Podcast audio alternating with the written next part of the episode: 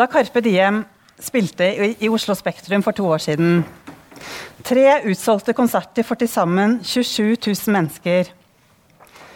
Hadde naboene mine sikret seg billetter til hele familien. Mor, far, sønn og datter på 9 og 13 år. Alle unntatt hunden var med, og det er et ganske godt bilde på hiphop i Norge i dag. Nye hiphop-hoder er Øyvind Holens oppfølger til boka eh, Hiphop-hoder fra 2004. Her viser han hvordan hiphop har gått fra en subkultur du deltar i, til en musikksjanger folk flest hører på. Han åpner med en scene fra nettopp Carpe Diem i Spektrum, der Magdi sto alene på scenen foran 9000 mennesker og sang Allahu Akbar fordi han ikke kunne huske sist han hadde hørt arabisk i en positiv sammenheng. Magdi rappet om sitt forhold til bønneteppet, profeten Mohammed, og hvordan han utsetter å si at du ser på en muslim når han møter nye folk. Og mens jeg satt og leste om dette, dukket nabogutten opp. Jeg spurte om han husket tolv politifolk på scenen i uniform, bevæpnede med grisemasker og purk skrevet på ryggen. Var det noen som var der, forresten? Nei? Ifølge Holen danset de til Den islamske elefanten. Nabogutten husket det. De hadde til og med skrevet purk med tusj på armen hans. Men så hadde han sovna, så husket han ikke mer. Han var bare ni år den gangen. Men takket være denne boka så kunne jeg fortelle gutten hva han hadde gått glipp av. For Holen har skrevet et bunnsolid verk, utstyrt med QR-koder til Spotify, spillelister til hvert kapittel, fakta, foto, stikkordsregister, alt du måtte ønske deg. Samtidig skriver Holen interessant om sjangerens samfunnsrolle. Inkludert hvordan hiphop har gjort det mulig å innta nye roller. Som sexsymbol, kjendis, popstjerne, kunstner og samfunnsdebutant. Spesielt for minoritetsmannen, som kanskje er den som står aller nederst på rangstigen i Norge. Det blir radio! Og da kom vi hit. Utenpå denne boka står det Ting vi må snakke om, og ting jeg vil du skal vite. Råtekster om ære, skam, sosial kontroll, inkludering og minoritetsmannen. Jeg vet ikke hvordan det er med dere, men Da jeg fikk denne boka i hånda, så syntes jeg det var uh, lite attraktiv uh, layout. Jeg syntes det var liten skrift. Det var uh, ikke noen morsomme ord som jeg hekta meg på foran. Og jeg hadde egentlig ikke lyst til å lese den i det hele tatt.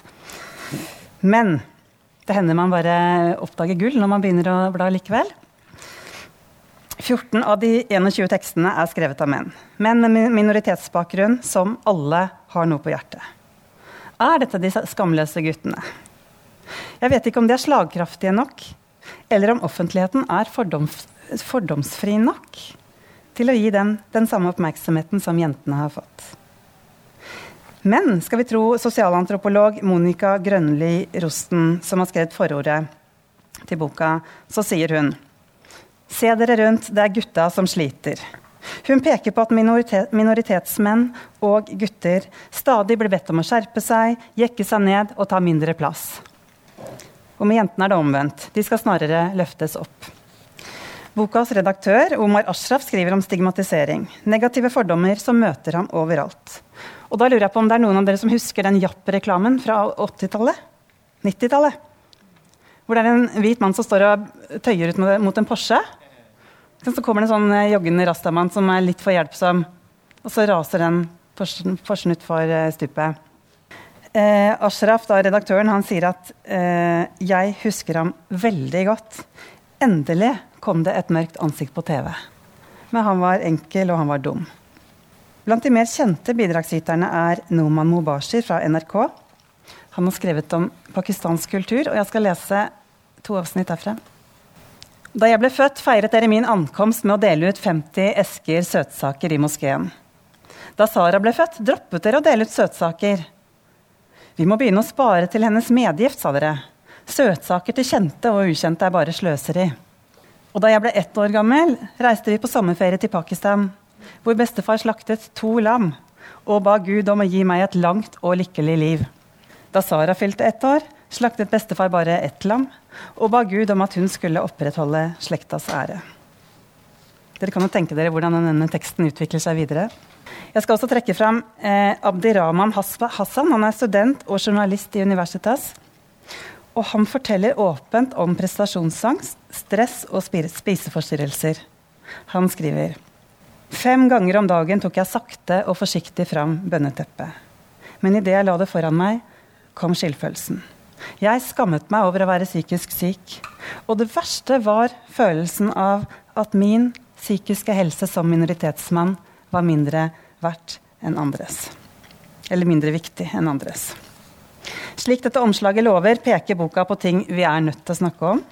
Dette er bokas store styrke, og jeg kunne avslutta her. Men mens jeg fortsatt var litt irritert på at jeg ikke syntes boka var eh, fin nok og litt for billig laget, så kom, den, kom det et Facebook-invitasjon til Vet ikke om dere ser at dette er denne scenen. Da var det et arrangement her på Drammensbiblioteket som Interkultur hadde. Interkultur i Drammen. Hvor de to eh, redaktørene sitter på, til venstre, og så sitter det en av de som har bidratt med tekst eh, til høyre her. Og da var jeg overbevist. Denne boka her må vi bare få ut til folk. Eh, jeg snakket litt med han redaktøren til slutt, eh, og da sa han at eh, de hadde hatt debattserier på Deichman, flere, flere, debatter etter hverandre, hvor de hadde tatt opp ulike temaer som denne boka tar opp. Jeg tenker at Egentlig så er boka ikke så innmari godt skrevet. Men den er så viktig, det er så mange viktige ting de sier, så noen ganger så må vi se forbi alle de formuleringene vi kanskje ikke syns er gode nok, og så må vi se hva er det egentlig som står på agendaen her. Og så må vi kanskje helst løfte det fram i type debatter eller samtalegrupper eller ja, lese utdrag av det. Og som dere ser på dette bildet Dere ser ikke det. Men her sitter det flere minoritetsjenter. Eh, de var i flertall blant publikum. Og en av dem fortalte at hun skrev særemne om denne boka. Og Da jeg kom hjem og sa det til datteren min, som er på alder med de jentene, så sier hun at bøker om minoritetstematikk det er bare så it. Så her er det bare å, å samle opp og levere.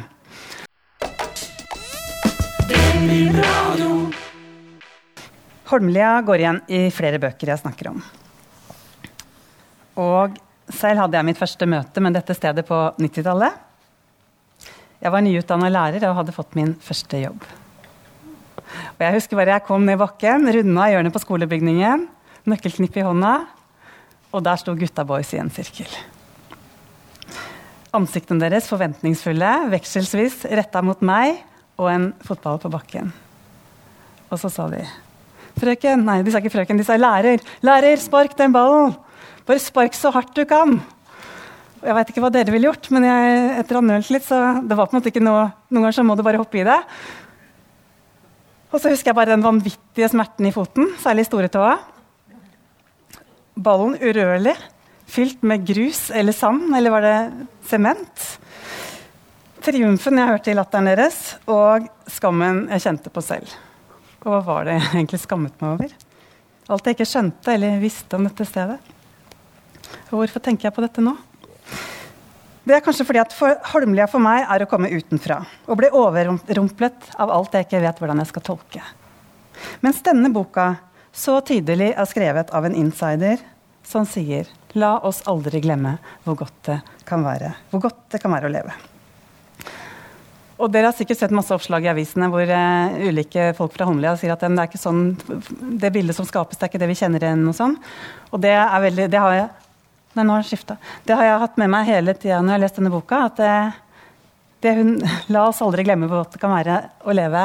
Det er et, en veldig sterk setning som kommer fra en person som selv kaller seg for holmlianer. Hun debuterer med en diktsamling som gjengir tanker, minner og fantasier knyttet til egen oppvekst og jeg skal lese to dikt. De er mange i Salvar Kames og i Marius-gensere. De spør. Hvem er Sara? Jeg er A. Knekkebrød. B.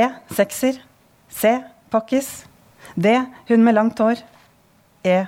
Mamma. Og her kommer et litt lengre dikt. Anita i klassen var den første som kalte meg knekkebrød. Alle i heimkunnskapen begynte å le, og Anita sa de kunne spise meg til suppa når det ikke var mer loff igjen. Etter hvert ble det en greie. På tavla var det noen som skrev. Hvem er det som er bæsjebrun og jødetynn?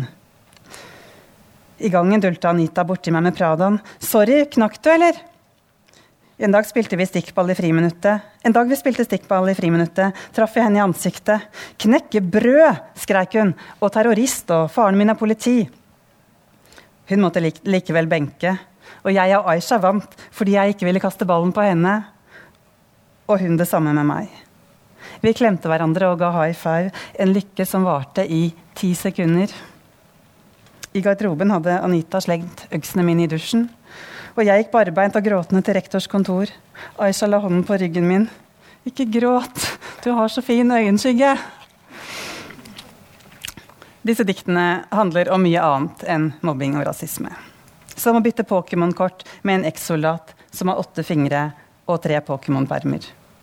Eller å sovne i fotballbingen og bli vekket av vaktmesteren som trodde du var død.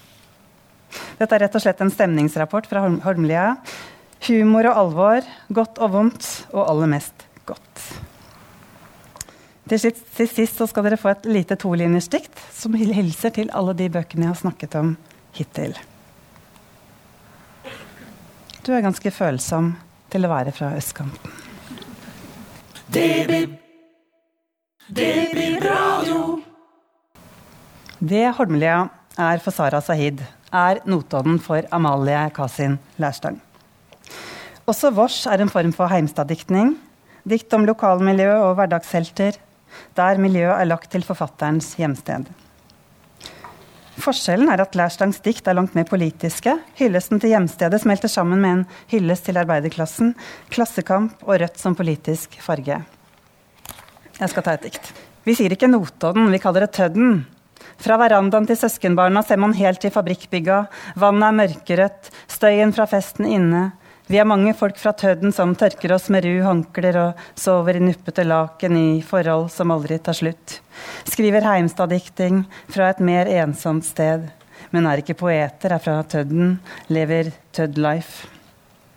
Jeget her er en del av et fellesskap som snitt ut av nesa på Notodden. Eller for å sitere Lærstang, er det rart man ikke blir den man er, men akkurat som omgivelsene. Stedsarven, bensinblodet, kunstgjødselskjelettet, jernverk i musklene og fossefallet som spruter ut av alt som tør å åpne seg, kjeften, tårekanalene, livmorhals, mormunn. Disse diktene er lette å lese, lette å like og fylt med en god energi. Samlingen bør gå rett hjem hos alle som er fra en liten norsk industriby, eller som identifiserer seg med arbeiderklassen. Som eh, Lærstang skriver jeg sier arbeiderklasse, veit ikke lenger hvem vi er, bærer tittelen som et smykke. Her har jeg valgt ut de korteste diktene. Mange er lengre, mer bilderike, med motiver som spenner fra 1. mai, stavkirke, jomfrudom og horn med, horn med frø, til biler med senka understell og folk som lukter røyk. Lærstang mottok Tarjei Vesaas debutantpris i 2014 for romanen 'Europa', og 'Vårs' er hennes første diktsamling.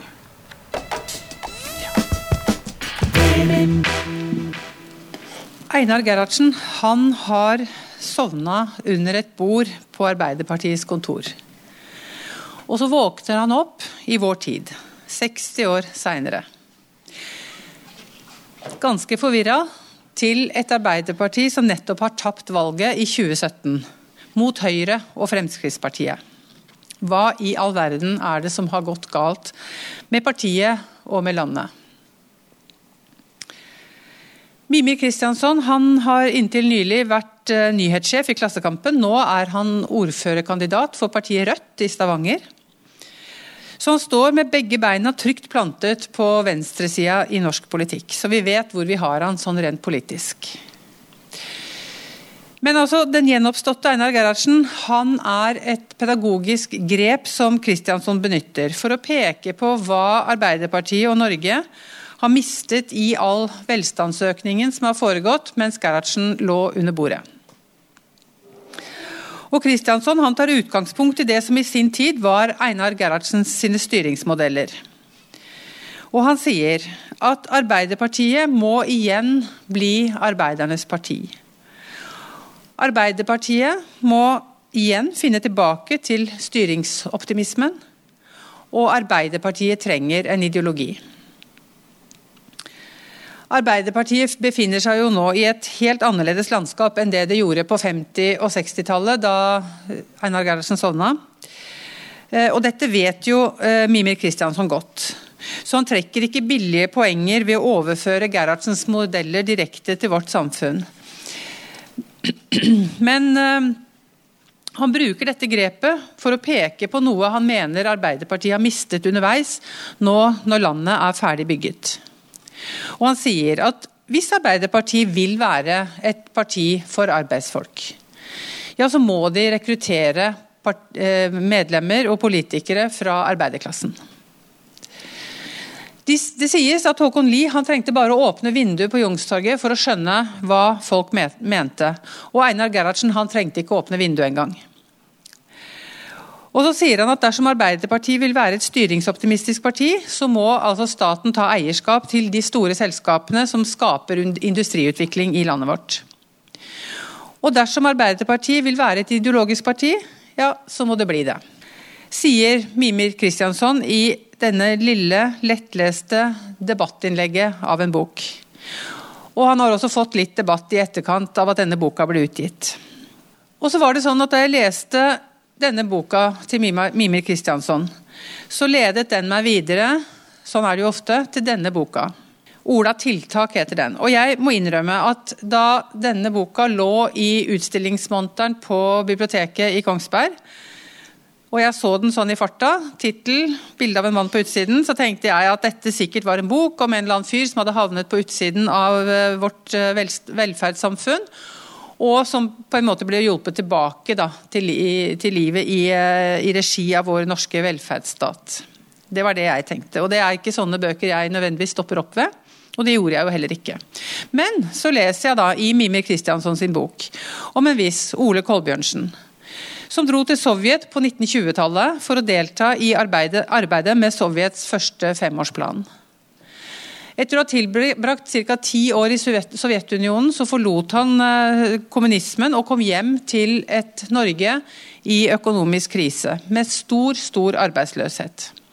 Og Da satte Kolbjørnsen i gang et massivt arbeid med en treårsplan etter sovjetisk modell, som bidro til at folk igjen kom seg ut i arbeid. Og Ola Tiltak det ble altså Ole Kolbjørnsens eh, kallenavn. Og Da klinget en liten bjell opp i hodet mitt, og jeg fant fram til boka og leste den. Dette var ikke en bok om en samfunnstaper på tiltak. Dette er en bok om en eh, viktig person i en viktig periode i norsk historie. Sånn at Mimir Kristianssons lille bok og Helge Røds solide biografi de gir oss til sammen et, eh, et bilde av et arbeiderparti i vekst og fall.